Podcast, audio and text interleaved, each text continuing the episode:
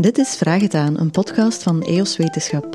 Ik ben Lisbeth Gijssel en deze keer zoek ik het antwoord op de vraag: zijn wij de enigen in het heelal? Bij mij zit EOS-collega Ilse Boeren. Zij heeft zich voor EOS verdiept in de zoektocht naar buitenaards leven. Dag Ilse. Dag Lisbeth. Zeg, bestaat er buitenaards leven? Ja, um, volgens heel veel wetenschappers bestaat dat. Um, om verschillende redenen. Volgens Emmanuelle Javot, dat is een uh, astrobiologe aan de Universiteit van Luik, die ik geïnterviewd heb, moet leven elders bestaan dan op aarde, omdat het hier in een natuurlijk proces ontstaan is. En zij gaat ervan uit dat zo'n proces evengoed op een andere planeet, uh, in een ander zonnestelsel of zelfs in ons eigen zonnestelsel op Mars heeft kunnen plaatsvinden. Uh, dan zijn er natuurlijk ook nog de grote Amerikaanse specialisten, de astrofysici zoals Drake, die eigenlijk uh, heeft berekend dat zelfs intelligent leven zou moeten kunnen voorkomen. En uh, in de Melkweg en eigenlijk in het voor ons zichtbare heelal. Uh, heeft daar allerlei aannames gedaan over de onwaarschijnlijkheid en de waarschijnlijkheid van bepaalde processen. En hij is tot de conclusie gekomen dat er eigenlijk wel heel veel uh, kans is um, dat er nog ergens intelligent leven zou bestaan. Heeft hij dat dan op een soort uh, wiskundige manier berekend of zoiets? Ja, hij heeft een aantal processen die nodig zouden zijn om leven te doen ontstaan. En dat vatten uh, de uh, wetenschappers samen onder het woord abiogenese, dus het ontstaan van iets levend uit iets niet levend. Uh, daarvan heeft hij de waarschijnlijkheid berekend en dan nog een aantal factoren, zoals hoeveel sterren zijn er, hoeveel planeten zouden er dan zijn, want ja, natuurlijk kunnen we niet alle exoplaneten kennen we tot nu toe, we kennen er eigenlijk nog maar heel weinig. Um, hoeveel kans is er dat er omstandigheden zijn waar abiogenese kan gebeuren? En wat moeten we ons dan bij die ja, zeg maar alien, aliens uh, voorstellen? Er wordt vaak gedacht aan een soort van groene marsmannetjes of mensachtige wezens. Ja, dat is inderdaad iets wat dat ook uh, Emmanuel Javot storend vond. Zij vindt bijvoorbeeld in de science fiction films, zegt zij, alles wat daarin rondloopt lijkt op mensen. En we zouden ons echt we zouden beter ons best moeten doen. Want zelfs hier op aarde uh, zijn er um, in het verleden heel eigenaardige dieren voorgekomen, uh, die wij ons nu niet meer kunnen voorstellen. Ja, er was uh, de Rangeomorpha, dat was een soort vertakt, vastzittend organisme dat zich voedde door moleculen uit, uit zeewater, dus chemische elementen uit zeewater, te filteren. en dat is eigenlijk een voorloper van de huidige dieren.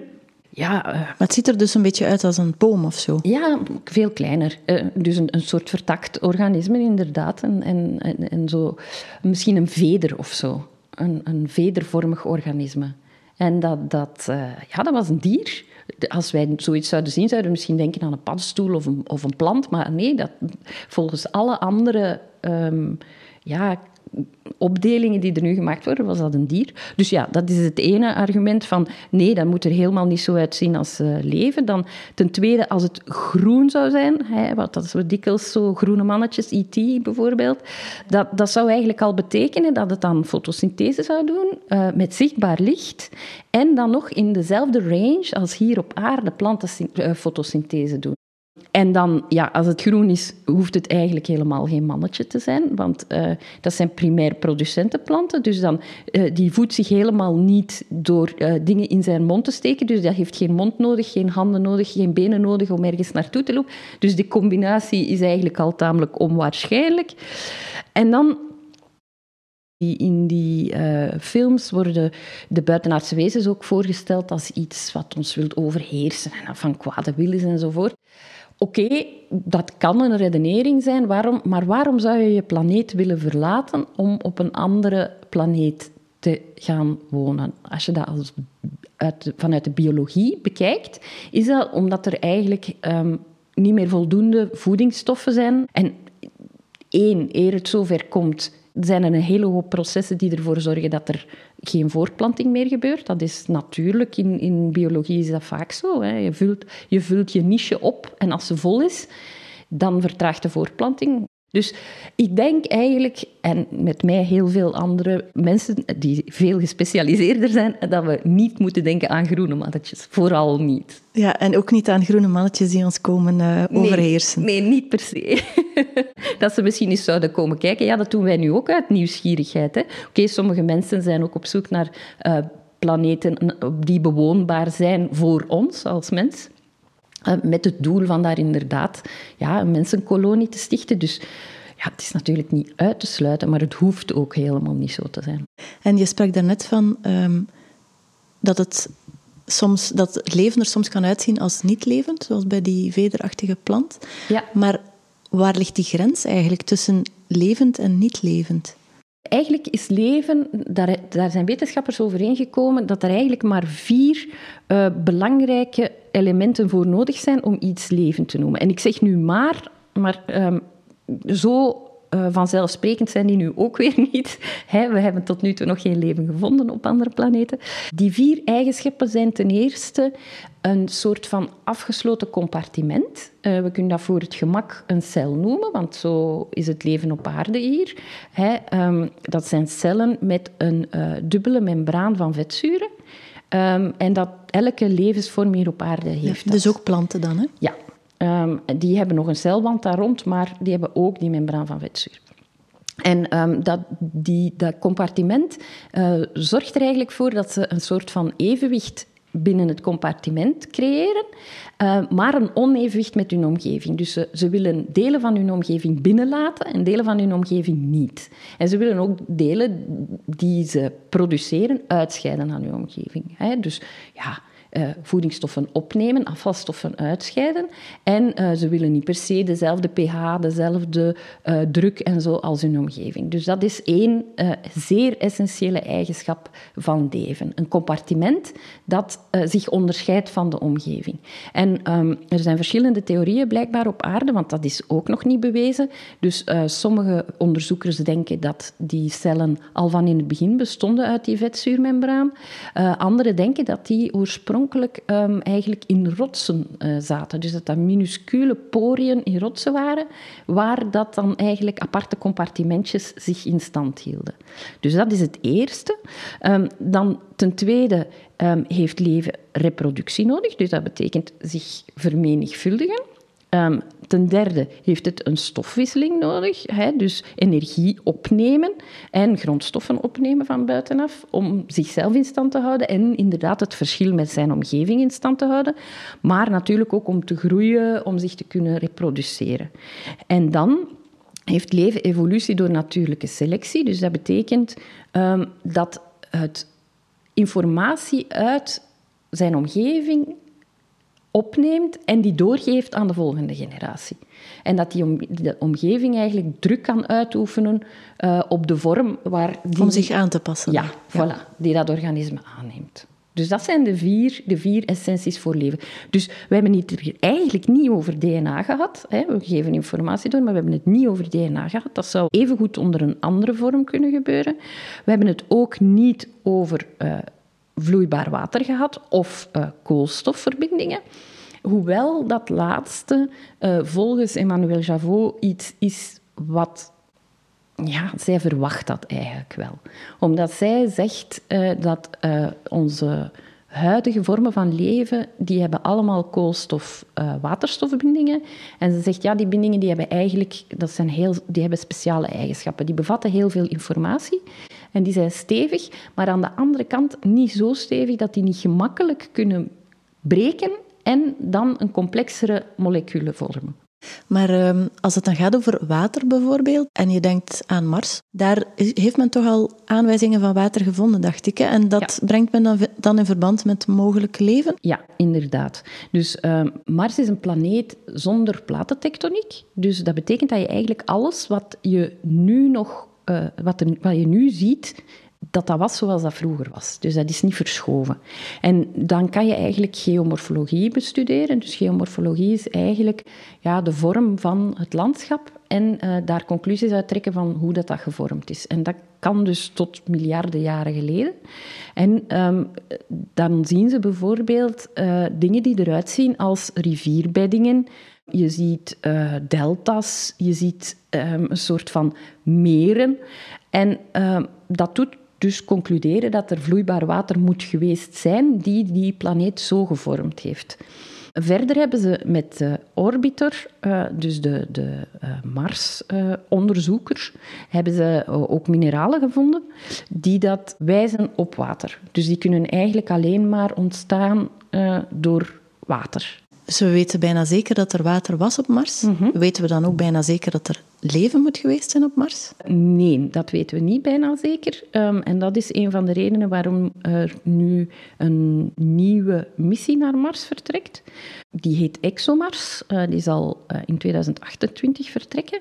En daar gaat eigenlijk een heel laboratorium mee uh, in, de, in een soort van Marsrover. En dat laboratorium gaat die mineralen op een manier analyseren zoals ze mineralen op aarde analyseren en op zoek gaan naar sporen van uh, leven. Wat zoeken ze dan precies in die mineralen? Vooral aanwijzingen ten eerste naar de vorm van die mineralen en ten tweede zoeken ze ook naar ja, chemische verbindingen die typisch zijn voor leven. Uh, en dan vooral een selectie van bepaalde isotopen. Dus er zijn uh, Dat zijn isotopen, isotopen ook weer? Ja, isotopen zijn bijvoorbeeld... Laat ons koolstof nemen, hè, dat komt hier heel veel voor, overal rondom ons.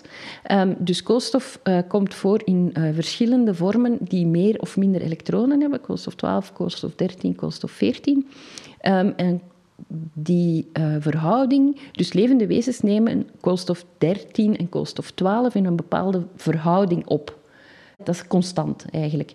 En um, dat, als je dat zou vinden, dan zou je al kunnen denken van... Het is misschien leven geweest die die uh, um, isotopenverhouding heeft gecreëerd in die sedimenten. Als er leven geweest is op Mars, dan is het er nu wellicht niet meer. Mm -hmm. Waarom zou het uitgestorven zijn? Um, er zijn twee heel duidelijke redenen voor. Dat is dat Mars geen magnetisch veld meer heeft en geen atmosfeer. Terwijl het eigenlijk zeker is, dat is ook een Belgische die, onderzoeker die dat heeft aangetoond, Veronique de Haan van de Koninklijke Sterrenwacht. Die um, heeft bewezen dat vroeger Mars een vloeibare kern had. En dat is uh, nodig om een magnetisch veld te hebben op een planeet. En een magnetisch veld is dan weer nodig voor een atmosfeer. Maar omdat Mars een kleine planeet is, is die tamelijk snel uh, afgekoeld. En is die vloeibare kern gestold. En dan is het magnetisch veld weggevallen en kon de planeet zijn dampkring niet meer vasthouden. Dus dat is een van de redenen waarom het ook geen leven meer kan zijn. En de tweede reden is omdat er enorm veel uh, straling is op Mars, die alle levende uh, organismen zou kapot maken. We onderbreken even voor een korte boodschap en zijn zo meteen bij jou terug. EOS Wetenschap is een non-profit organisatie die er met onafhankelijke wetenschapsjournalistiek voor zorgt dat een breed publiek kan kennismaken met 100% betrouwbaar toponderzoek. Dat kunnen we niet doen zonder de steun van onze leden. Maak je het mee mogelijk? Surf naar www.eoswetenschap.eu lid en verspreid met ons de wetenschap. Als het dan gaat over atmosferen en dampkringen en zo, zijn dat ook zaken waar ze naar zoeken als het gaat over uh, planeten buiten onze uh, eigen uh, ja, zonnestelsel? Inderdaad. Bij de exoplaneten is dat iets, een van de eerste dingen waar ze naar op zoek gaan en wat ze ook gemakkelijk kunnen gemakkelijk, alles is relatief natuurlijk, gemakkelijk kunnen zien vanuit de uh, satellieten en dergelijke dingen, dus de onderzoeksinstrumenten, of dat een planeet een atmosfeer heeft. Dus daar gaan ze in elk geval naar op zoek. Um, en als die er is, dan gaan, ze ook op zoek naar uh, wat voor licht er bijvoorbeeld is op een planeet um, en dergelijke dingen meer. Dus ja, ze proberen van op een, een heel grote afstand een aantal conclusies te trekken die ja, zouden kunnen duiden op leven. Um, vaak gaat het dan traditioneel over zuurstof, uh, terwijl dat niet per se een teken is van leven. En over vloeibaar water, uh, daar is dan nog een hele hoop discussie over. Dat, maar dat is, uh, dat is wel zo'n belangrijk aspect geworden um, dat dat zijn eigen uh, naam gekregen heeft. Hè. Dat noemen ze de Goldilocks-zone of de goudlokjeszone. Dus dat zijn planeten die in een zone rond sterren liggen waar in theorie vloeibaar water zou kunnen voorkomen. Dat zijn dan planeten die een beetje op vergelijkbare afstand tot hun ster liggen als dat de aarde van de zon ligt. Ja, en dan natuurlijk ook afhankelijk van hoe sterk de ster is. Hè. Want er zijn uh, sterren die veel meer warmte en licht geven, sterren die veel zwakker zijn dan onze uh, zon. En weet jij hoe ver dat we staan ondertussen in dat soort onderzoek? Hoeveel van die exoplaneten die mogelijk leven bevatten, zijn er zoal gevonden? Uh, ik kan er geen aantal op plakken, dat zou ik eigenlijk niet kunnen zeggen van buiten. Maar uh, ja, er komen er meer en meer. Er wordt ook echt naar gezocht. Zo is er bijvoorbeeld, en dan kom ik ook weer naar ons uh, Belgisch onderzoek. Um, zo is er bijvoorbeeld aan de Universiteit van Luik is er een ster ontdekt. Hè, die, de onderzoeker Michael Guillon heeft die um, Trappist 1 genoemd. Ja, en daar Belgisch. Rond, ja, tuurlijk. en daar rond liggen verschillende planeten die volgens hen in aanmerking zouden komen om naar leven te zoeken. Dus ja, er wordt volop gezocht. En hoe onderzoeken ze dan of dat daar leven is? Want naar Mars kan je wel een robot sturen, maar naar zo'n verre exoplaneet gaat dat natuurlijk niet. Nee, eh, en uh, dat, dat vond ik ook wel een heel leuk verhaal. Uh, Emmanuel Javot vertelde dat ze een soort van trappist-biodoom maken in hun lab. Dus ze hebben nu een soort van afgeschermde omgeving gemaakt, waar ze eigenlijk het leven op de planeten rond die ster willen nabootsen. En ze weten al dat uh, die ster enorm veel infraroodlicht uh, uitstraalt, dus geen zichtbaar licht, maar infraroodlicht, en af en toe pulsen van ultraviolet licht. Uh, dus ja, dat, dat hebben ze dan al als, als uitgangspunt voor die omgeving genomen. Um, en nu zijn ze aan het afwachten, zo gauw ze weten of er een atmosfeer is en waaruit die is samengesteld. Um, de James Webb-telescoop gaat kunnen vertellen of er een atmosfeer is rond die planeet en uh, waaruit die bestaat. En dan zijn ze van zin van die atmosfeer na te bootsen in uh, die biodoom. En nu komt het spannendste, ah voor mij als biologe. Ze hebben uh, met, hier op aarde bacteriën gevonden die um, een soort van fotosynthese doen, maar met infrarood licht. En dan gaan ze die bacteriën in die biodoom steken en kijken hoe dat die zich verder ontwikkelen. Dus of dat die daar kunnen leven en of dat die ja, muteren of ja, dat er allemaal Misschien evolueren tot complexere levensvormen Wie of zo. weet. Wie weet. Dus uh, ja, ik vind het een heel spannend experiment. Ja, ja. En kunnen ze dat dan versnellen of zo? Want een bacterie, voordat die tot een complexere levensvorm is uh, uitgegroeid, dat zal wel even duren, denk zeer ik. Zeer lang. En dat is ook bijvoorbeeld een van de redenen waarom uh, Emmanuel Javot zei van ja, we, we, het gaat heel moeilijk zijn om, om één leven te vinden op andere planeten. Maar ook, uh, zelfs op aarde doen we nog altijd ontdekkingen. En dat komt onder andere door het feit dat uh, bepaalde metabolismen zo traag zijn. Dus pas in 2015 zijn er hier op aarde nog uh, Asgard, Ar Archea zijn die gedoopt, gevonden. Die zijn eigenlijk de voorouders van planten en dieren. En ja, ze, wisten niet dat die bestonden en dat komt vooral omdat je metabolisme zo traag gaat. De Japanse onderzoekers hadden een, een um, bodemstaal in hun lab en ze hadden dat daar al een tiental jaar voordat ze zijn beginnen zien dat zich daar bacteriën ontwikkelden, omdat die uh, organismen zo traag leven. Dus ja, dat gaat ook een deel van het probleem zijn. Dat we denken dat er niets is en het uh, monster maar weggooien, terwijl er misschien toch iets in gezeten Inderdaad. Dus dat zijn, uh, ja, het, leven kan er geweest zijn, het kan al weg zijn. Het leven kan enorm klein en moeilijk te ontdekken zijn. Het leven kan zo ver weg zijn dat we ja, het niet zien. Er zijn, er zijn heel verschillende redenen waarom we het niet gaan vinden. Is de kans groot, denk je, dat dat buitenaards leven een soort van microben zijn? Of dat het toch om ja. intelligent, mensachtig leven gaat? De, de kans dat er volgens, daar, daar spreek ik dan weer met, met Emmanuel Javot, hè, um, de, de kans dat het micro-organismen zijn is heel groot. Uh, zij zegt vooral vanuit de redenering dat er eigenlijk hier op aarde maar één geografische plek is, dus een vaste plek waar dat geen leven voorkomt. Um, dus in Dalol in Ethiopië zijn er uh, is een heel landschap met poeltjes die enorm uh, zout en zuur zijn. En er zijn daar een aantal van die poeltjes, niet allemaal, waar geen leven in voorkomt. En verder komt er op aarde ook alleen maar geen leven, in voor, leven voor in gloeiend hete lava vanwege de hitte. Dus dat betekent eigenlijk volgens haar dat micro-organismen een zo een enorme scala aan metabolisme hebben dat die eigenlijk ongeveer elke omgeving aan kunnen. Die hebben helemaal geen zuurstof nodig, die hebben geen licht nodig, zeker geen zichtbaar licht, enzovoort, enzovoort. Dus zij zegt van, ja, de kans dat er iets microbieel is ergens anders, is volgens, volgens haar heel groot. Dan ja, of dat dat intelligent is, um, ik weet het niet. Intelligente micro-organismen, misschien als ze samenleven in een soort Dan moet je weer intelligentie definiëren natuurlijk, wat ook niet zo eenvoudig is. moeilijk. Waar zij wel het, het vaak over had, uh, was uh, technologisch uh, geëvolueerde samenleving. Dat vond ik wel een mooie omschrijving. En dus dat betekent ja, dat, um, organismen die iets bouwen, die, die de wereld veranderen door ja, dingen die ze zelf gemaakt hebben. En ehm, daar gelooft zij niet zo erg in. Terwijl microbieel leven, ik vroeg het haar en ze zei ja, ik denk dat het er moet zijn. Als het dan gaat over uh, technologisch geavanceerde wezens, dan kunnen we misschien ook denken aan uh, wezens die ruimtetuigen kunnen bouwen om mhm. mee naar de aarde te komen. Mhm. En ik zag dat uh, onder andere de NASA zelfs ook onderzoek doet naar UFO's. Dus naar waarvan wij soms denken dat het buitenaardse wezens zijn die met een vliegende schotel naar de aarde komen gevlogen. Denk ook weer aan science fiction en strips en zo. Maar denkt die organisatie nu echt serieus dat er buitenaardse wezens ons in de gaten zitten te houden?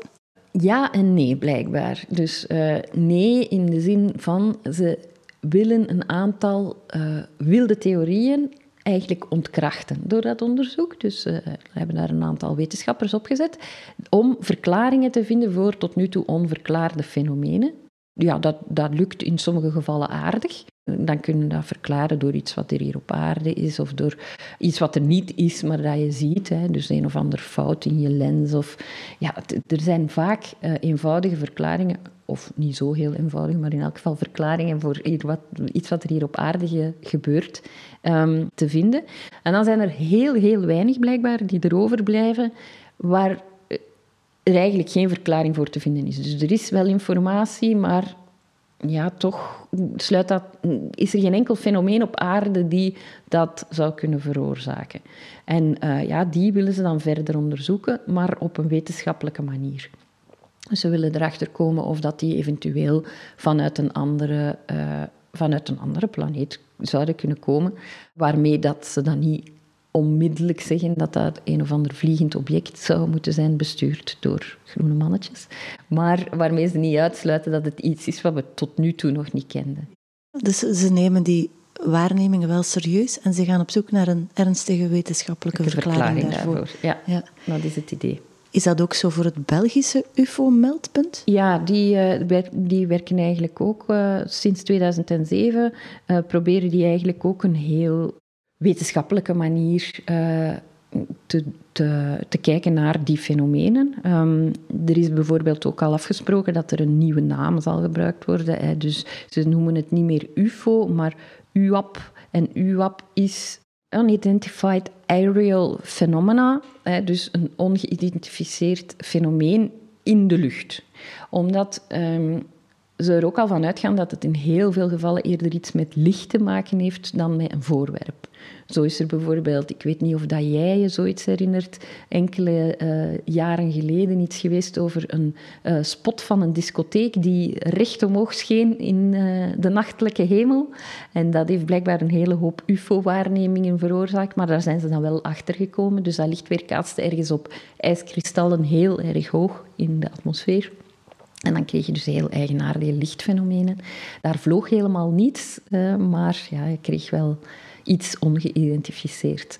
En dus ja, die mensen zien dat eigenlijk op dezelfde manier, zoveel mogelijk verklaren uh, wat mensen zien. Als je zo'n onverklaarbaar object ziet in een ruimte, waar kan je dat dan melden eigenlijk? Ja, dat kan je melden bij het UFO-meldpunt. Um, misschien moeten we onder onze een linkje, podcast ja. een linkje zetten. Dat lijkt me een goed idee ja. voor mensen die uh, iets vreemds zien aan de hemel ja. en daar graag een wetenschappelijke verklaring voor willen uh, weten.